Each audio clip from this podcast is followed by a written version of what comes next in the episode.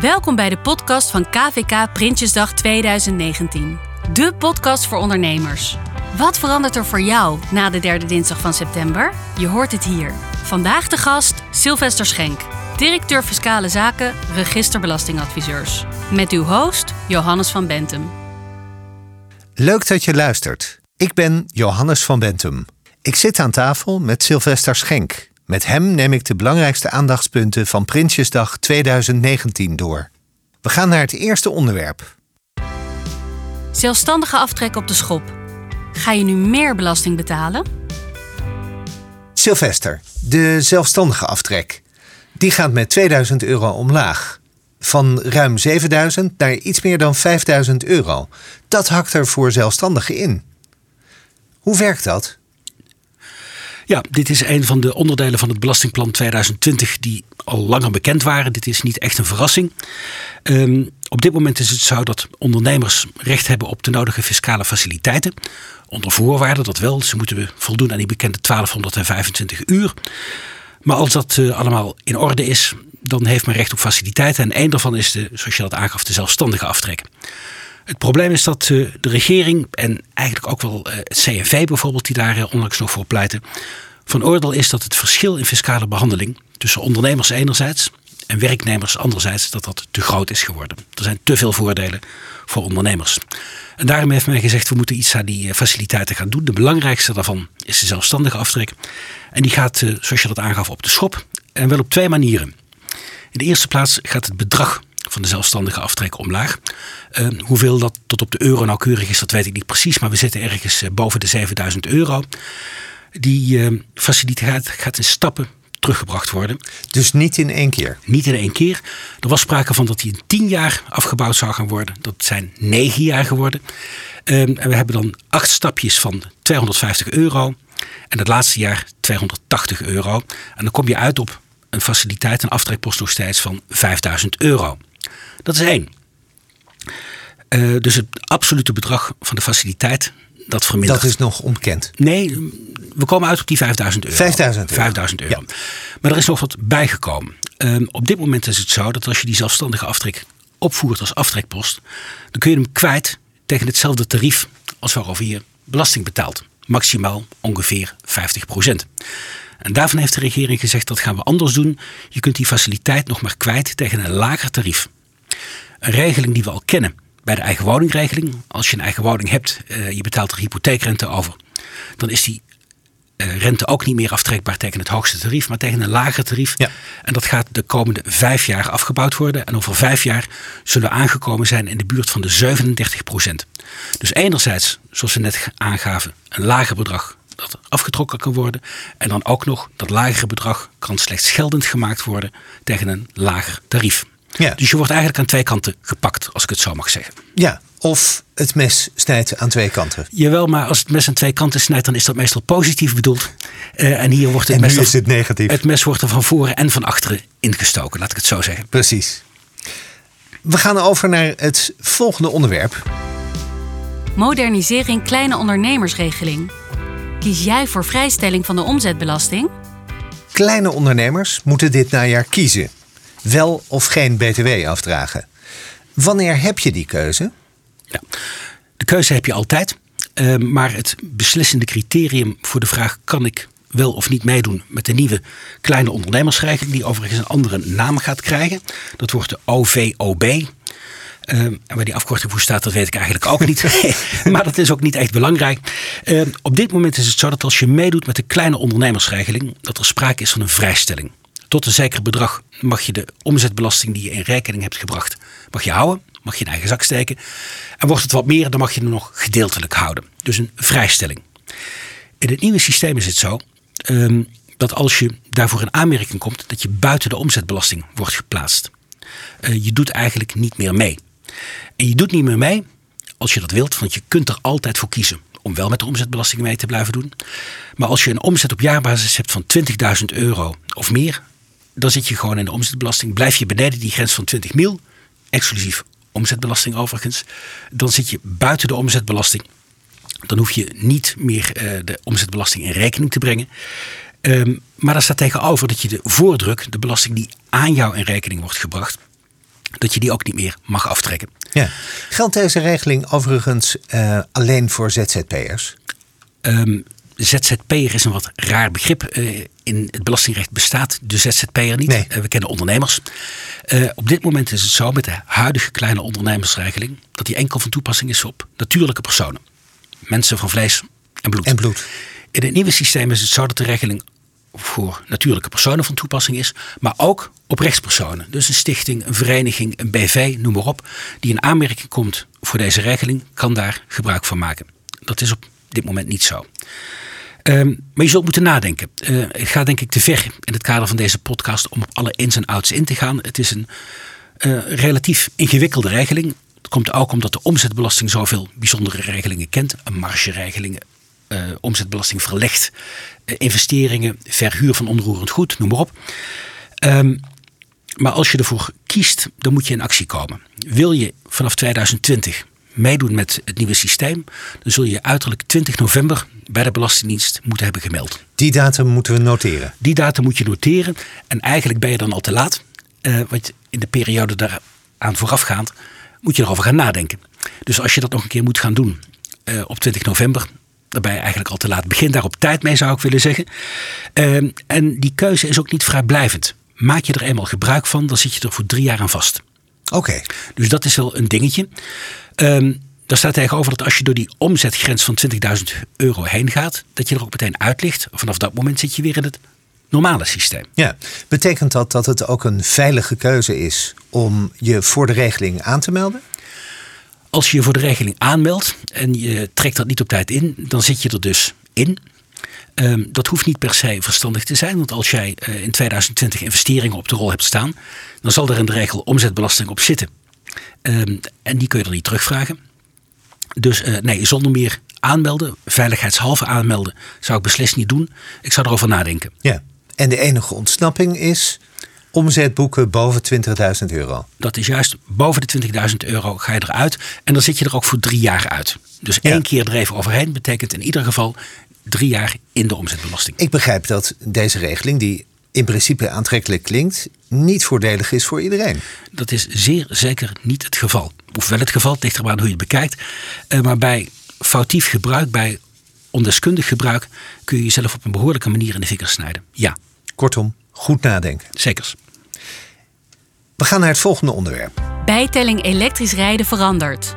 Blijven de voordelen voor de auto of gaan we vanaf volgend jaar allemaal op de fiets? Elektrisch rijden wordt minder voordelig ten opzichte van benzine- en dieselauto's. Hoe pakt het kabinet dat aan?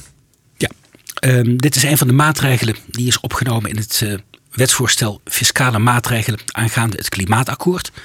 Eh, we hebben het de hele tijd over Prinsjesdag, we hebben het de hele tijd over het belastingpakket 2020. Ehm, in totaal bestaat dat eh, wetsvoorstel uit, eh, bestaat dat belastingpakket uit zes wetsvoorstellen. En een van die wetsvoorstellen is dat voorstel dat ik noemde, fiscale maatregelen aangaande het klimaatakkoord. Ehm, over dat wetsvoorstel zou ik twee dingen willen zeggen. Eén betreft de overdrachtsbelasting. Eh, dat is nieuw, die hadden we niet verwacht, die hadden we niet zien aankomen. De andere is dat wel, dat is de auto. Ehm, je weet, elektrisch rijden, dat eh, wordt gestimuleerd. En dat wordt vormgegeven in, de- eh, door middel van een korting. Ja. Eh, voor normale automobilisten met diesel of benzine hebben we een bijtelling van 22% en daarop wordt voor emissieloze auto's, elektrische auto's, waterstofauto's, wordt een korting gegeven. Die korting bedraagt op dit moment 18% Dus we hebben een bijtelling van 22, korting van 18. Dat levert die bekende bijtelling op Van 4 van 4 Voor volgend jaar ehm, gaat dat percentage verdubbeld worden. Dat wil zeggen, de korting die gaat verminderd worden. Ehm, de korting was ehm, 18% dat wordt 14% Vanaf 2020 dus 22% min 14 is 8. Ehm, en zo gaat dat door tot wij over een aantal jaren voor elektrische auto's en voor gewone diesel, benzineauto's op hetzelfde bijtellingspercentage zitten. Ik begrijp dat dat in 2026 is. Ehm, als je dat rekensommetje met steeds 4% blijft maken, Precies. dan kom je waarschijnlijk uit, ik geloof het graag, op 2026. Dat is één. Maar er is meer. Ehm, misschien kun je herinneren dat een jaar of wat geleden de Tesla-tax is ingevoerd. Zeker. Die bijtelling van 4% die gold enkel tot de cataloguswaarde van ehm 50.000 euro. En daarboven betaalde je gewoon het normale bijtellingstarief. Dat betekende voor een Tesla van een ton dat je over 50.000 euro 4% betaalde. En over 50.000 euro 22%.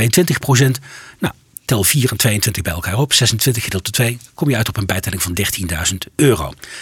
Um, en er zijn de laatste tijd zijn er behoorlijk wat eh, auto's op de markt genomen, gekomen die boven die grens In het duurdere segment. In het betere middenklasse segment. Okay, ja. Zo kun je het ook zeggen. Uh, ik weet niet of ik mijn namen mag noemen, maar uh, er is een hele mooie Porsche. Uh, die kan ik aanbevelen. Elektrisch. Ik heb begrepen dat van de echte liefhebbers dat een elektrische Porsche dat dat vloeken in de kerk is. maar je kunt je er iets bij voorstellen. Ook een hele mooie Jaguar en zo. Nou, die zitten voor boven die grens. Dat betekent tot 50.000 euro 4% vanaf volgend jaar 8% en voor het meerdere de bekende 22% Die grens van 15.000 euro die gaat de komende jaren met 5.000 euro per jaar afgebouwd worden. Dus eigenlijk weer dat tweesnijdend zwaard. Ja. Enerzijds een verhoging van het bijtellingspercentage voor de elektrische auto en anderzijds een uh, verlaging van het bedrag vanaf waarvoor de Tesla-tax gaat gelden. Ja. Tesla-tax is natuurlijk geen wettelijke begrip, maar Precies. je begrijpt wat ik Zo bedoel. wordt hij in de volksmond aangeduid. Stel je hebt al geïnvesteerd in een elektrische auto. Verandert er dan iets? Ja, dus degene die op dit moment al in een elektrische auto rondrijden. Zoals ik zelf bijvoorbeeld. Dus uh, ik bekeek die vraag met de nodige belangstelling. Ja. En de vraag was: zitten degenen die op dit moment elektrisch rondrijden al vol in de prijzen? Of krijgen die toch een soort van gewenningsperiode? Nou, gelukkig is dat laatste het geval. Een regeling zoals we die ook in het verleden al uh, in deze belasting al kenden. Um, er geldt een uh, handhaving van het bestaande regime van 60 maanden. Dus stel mijn auto is op kenteken gezet uh, 1 juli vorig jaar. Dan heb ik vanaf 1 juli vorig jaar 60 maanden de tijd om onder uh, het toen bestaande regime mijn bijtelling door te voeren. Precies, dus dat oude systeem, dat wordt voortgezet. Maar niet voor de eeuwigheid, voor 60 maanden. Dat betekent als je uh, erover nadenkt om zo'n auto tweedehands te kopen, en waarom zou je dat niet doen?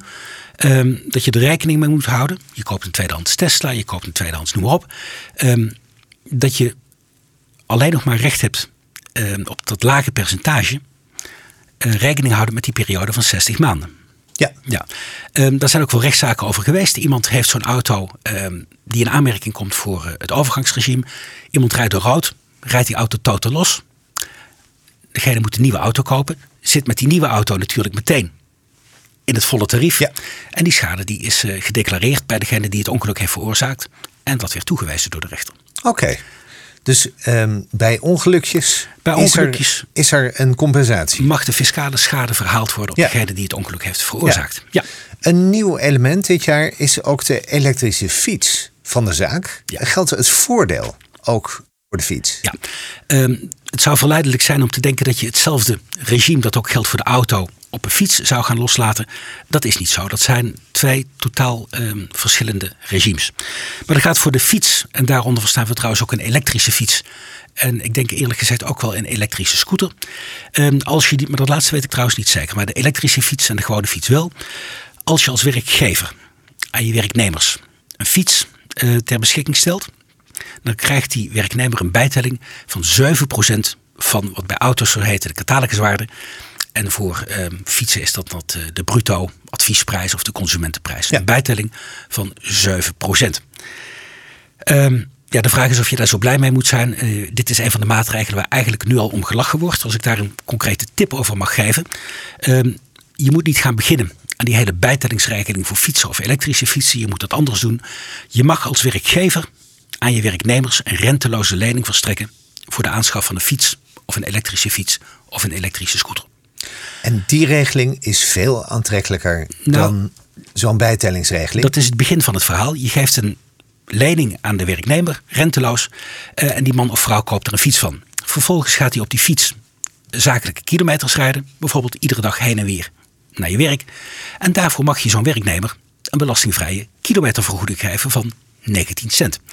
Stel, iemand woont op 10 kilometer van zijn werk, 10 kilometer heen, 10 kilometer terug. Dat zijn 20 kilometers maal 19 cent. Um, nou, dat is, dacht ik, uh, 5,70 euro. Klopt dat? Ik geloof het wel. 20 maal 19 cent. Zeker. Ja. ja.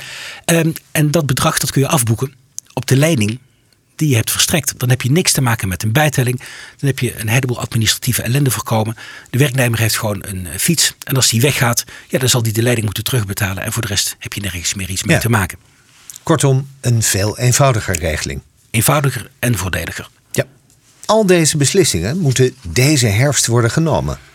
Aan het einde van deze podcast zetten we alles nog even op een rij in onze boekbiertips. Ja. Het volgende onderwerp.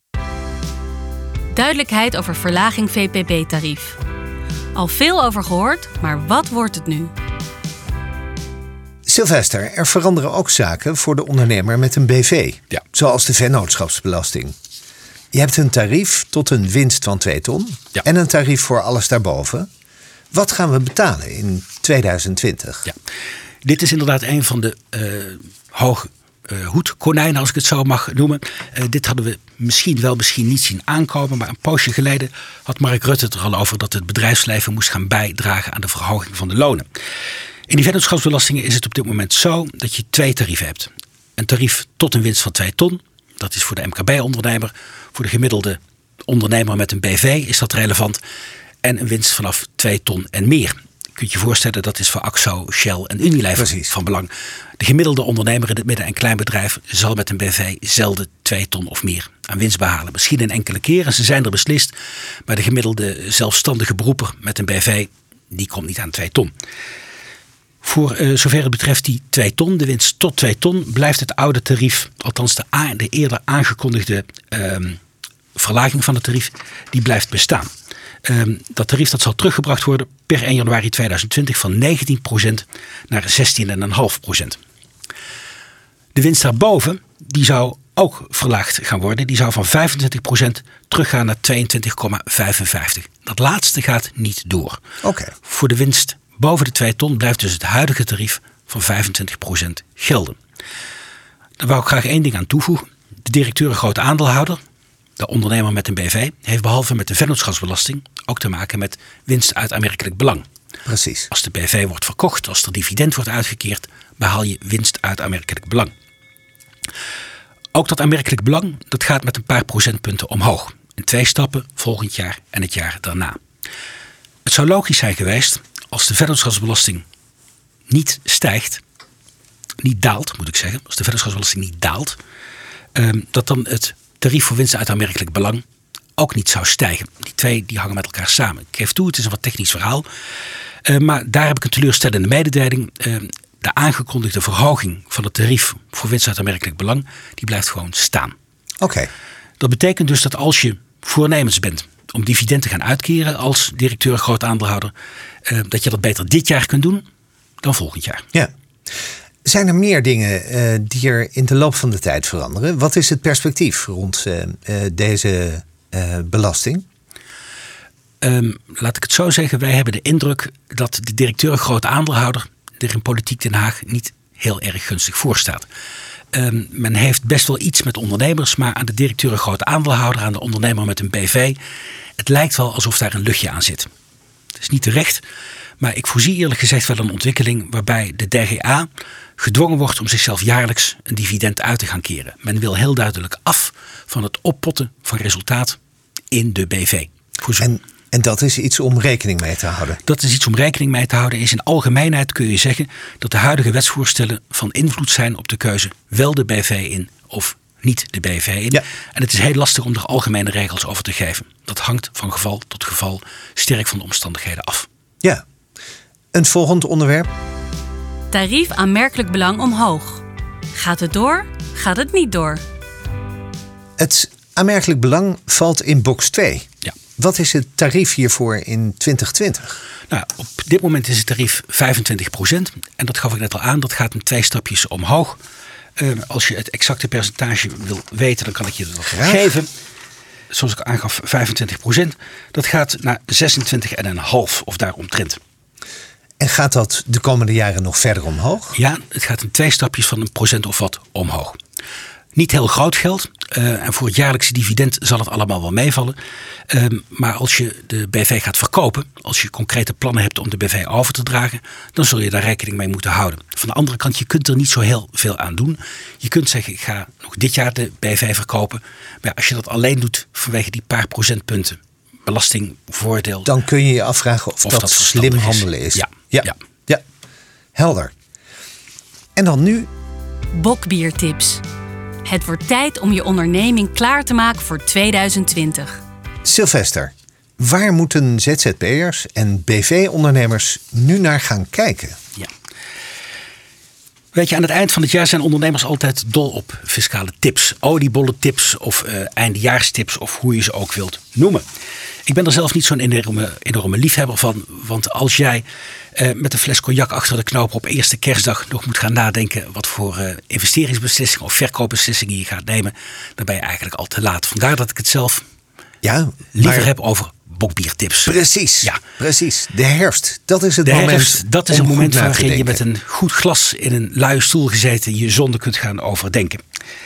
Ehm, ja, voor wat betreft ehm, de BV-ondernemer, de ondernemer met een BV, dat gaf ik al aan. Je zult rekening moeten houden met de tariefwijzigingen in de vennootschapsbelasting en de tariefwijzigingen in het aanmerkelijk belang. Maar er is meer. Ehm, veel directeur-aandeelhouders lenen van hun eigen BV. In rekening courant. En doorgaans is dat een roodstand. Je kunt ook wel blauw staan op de rekening courant Ja. bij de eigen BV. Maar het is makkelijker en ook leuker om rood te staan. Ehm, daar gaat de fiscus extra scherp naar kijken de komende tijd. Ehm, voor zover je echt serieus geleend hebt bij de eigen BV, vijf ton of meer. En die ondernemers die zijn er. Eh, vaak wordt met dat geleende geld wordt onroerend goed aangeschaft. Of er wordt eh, een aandelenportefeuille aangeschaft. Voor zover je boven de 5 ton zit, moet je in actie komen. En zul je al dan niet in samenspraak met je adviseur moeten gaan streven naar een afbouw van die roodstand. En beneden die 5 ton zul je zorgvuldig moeten gaan kijken: is het wel verstandig, is het wel wijs dat ik zoveel rood sta? Moet ik daar niet iets aan gaan doen? Ehm, dat voor de BV-ondernemer. Dus enerzijds kijken naar de rechtsvorm, anderzijds kijken, rekening houden met de tariefswijzigingen in de vennootschapsbelasting en het aanmerkelijk belang. En het afbouwen van de rekening courantstand. Ja, voor de kleinere ondernemer is de fiscale positie ook een punt. Ja, de fiscale positie van de kleine ondernemer en met name ook de fiscale positie van de ZZP'er, die verdient alle aandacht. Veel ZZP'ers gaan ervan uit dat ze fiscaal bezien ondernemer zijn. Vaak is dat ook zo, maar lang niet altijd. En met name is het gevaarlijk voor de ZZP die eigenlijk maar één opdrachtgever heeft, die in feite werkt in een verhouding die wel heel erg veel lijkt op een dienstverband. ehm, die één opdrachtgever heeft en daar ook jarenlang bij blijft. Kortom, degene die toch heel veel weggeeft van een werknemer. Het lijkt erop dat die personen in het vizier zijn bij de Belastingdienst. Je ziet de laatste tijd nog wel eens rechtspraak voorbij komen waarin zo iemand wordt aangepakt. En het vervelende is dat als je geen ondernemer bent, dat je geen recht hebt op de fiscale faciliteiten. Bijvoorbeeld niet op de zelfstandige aftrek waar wij het net over hadden. Ja. Nou, dan krijg je die geclaimde aftrek niet. Dat is vervelend. Maar de Belastingdienst heeft in die situatie ook nog de mogelijkheid, in veel gevallen, om een aantal jaren terug te gaan. En dat doet En erg dan wordt het vervelend. ja. ja. Dus eh, een, een belangrijke tip zou zijn: zorg ervoor dat als je ZZP'er bent, dat je ook ondernemer bent. Zorg als het even kan voor verschillende opdrachtgevers. Zorg voor verschillende klussen. Zorg voor een zeker debiteurenrisico. Investeer zelf. Zorg ervoor dat je niet te zeer gaat lijken op een gewone werknemer. ja. Verder ehm, zijn er nog een stel andere zaken. Ehm, een ondernemer moet administreren. Het is niet anders. Het is niet het leukste onderdeel van de werkzaamheden. Ehm, en veel ondernemers zeggen als ik had willen administreren, dan was ik wel boekhouder geworden. Maar het hoort er nou eenmaal bij. Wat, wat is er belangrijk om bij te houden? Ehm, ik zou willen wijzen op twee dingen. In de eerste plaats de kilometers. Als je een auto Ja. hebt die op de balans staat, zorg er dan voor dat je een eh, fatsoenlijke en betrouwbare kilometeradministratie bijhoudt. Doe je dat niet, krijg je te maken met de bekende bijtelling. En dat valt vaak tegen. En behalve de kilometers zul je ook de gewerkte uren moeten bijhouden. We hebben een aantal fiscale faciliteiten. De zelfstandige aftrek, de oude dagsreserve, eh, lijfrenteaftrek, eh, waarvoor een urencriterium geldt. Eh, en ook dat urencriterium zul jij moeten bewijzen, zul jij moeten kunnen aantonen. Kortom, als je gebruik maakt van faciliteiten die in uren worden gerekend, houd dan de uren bij. De faciliteiten worden eigenlijk enkel verleend als je over die grens van 1225 Precies. uur heen gaat. Ja.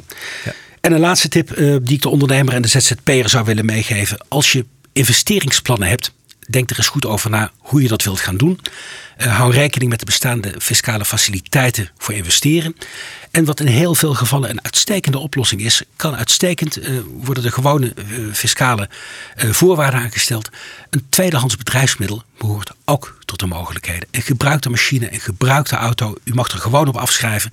het is vaak net zo goed en veel voordeliger. Ja, een, een van de allerbeste bokbiertips: kopen tweedehands elektrische auto. Tweedehands elektrische auto, dat was altijd een dingetje. Uh, omdat het tot en met dit jaar, tot en met 2019 zo is, dat je op een elektrische auto milieu-investeringsaftrek krijgt. De bekende MIA. Zo heet dat nou eenmaal. Ik kan daar ook niks aan doen. En MIA kreeg je alleen op uh, tweedehands op, nieuwe, op nieuwe. nieuwe bedrijfsmiddelen. Dat betekende als jij een tweedehands elektrische auto kocht, um, dat je daar geen MIA op kreeg. Vanaf volgend jaar um, zal dat anders zijn. Dan krijg je namelijk helemaal geen MIA meer. Dus dat relatieve voordeel voor de nieuwe elektrische auto is weggevallen. Maar je zult er dan wel rekening mee moeten houden als je een tweedehands auto koopt. Dat die een bijtelling heeft van 4%. Maar gedurende maximaal 60 maanden. Vanaf de datum van op kenteken stellen. Ja. Alle informatie uit deze podcast is overigens terug te vinden op kvk.nl slash Prinsjesdag. Dankjewel Sylvester. KVK blijft ondernemers de weg wijzen in nieuwe regelgeving. In de komende afleveringen uit deze podcastreeks zullen we dieper ingaan op onder andere de nieuwe kleine ondernemingsregeling, de elektrische auto van de zaak en de maatregelen voor flexibel werk vanuit de wet arbeidsmarkt in balans. Dankjewel voor het luisteren en graag tot de volgende podcast. Wil je meer weten? Ga dan naar kvk.nl/prinsjesdag.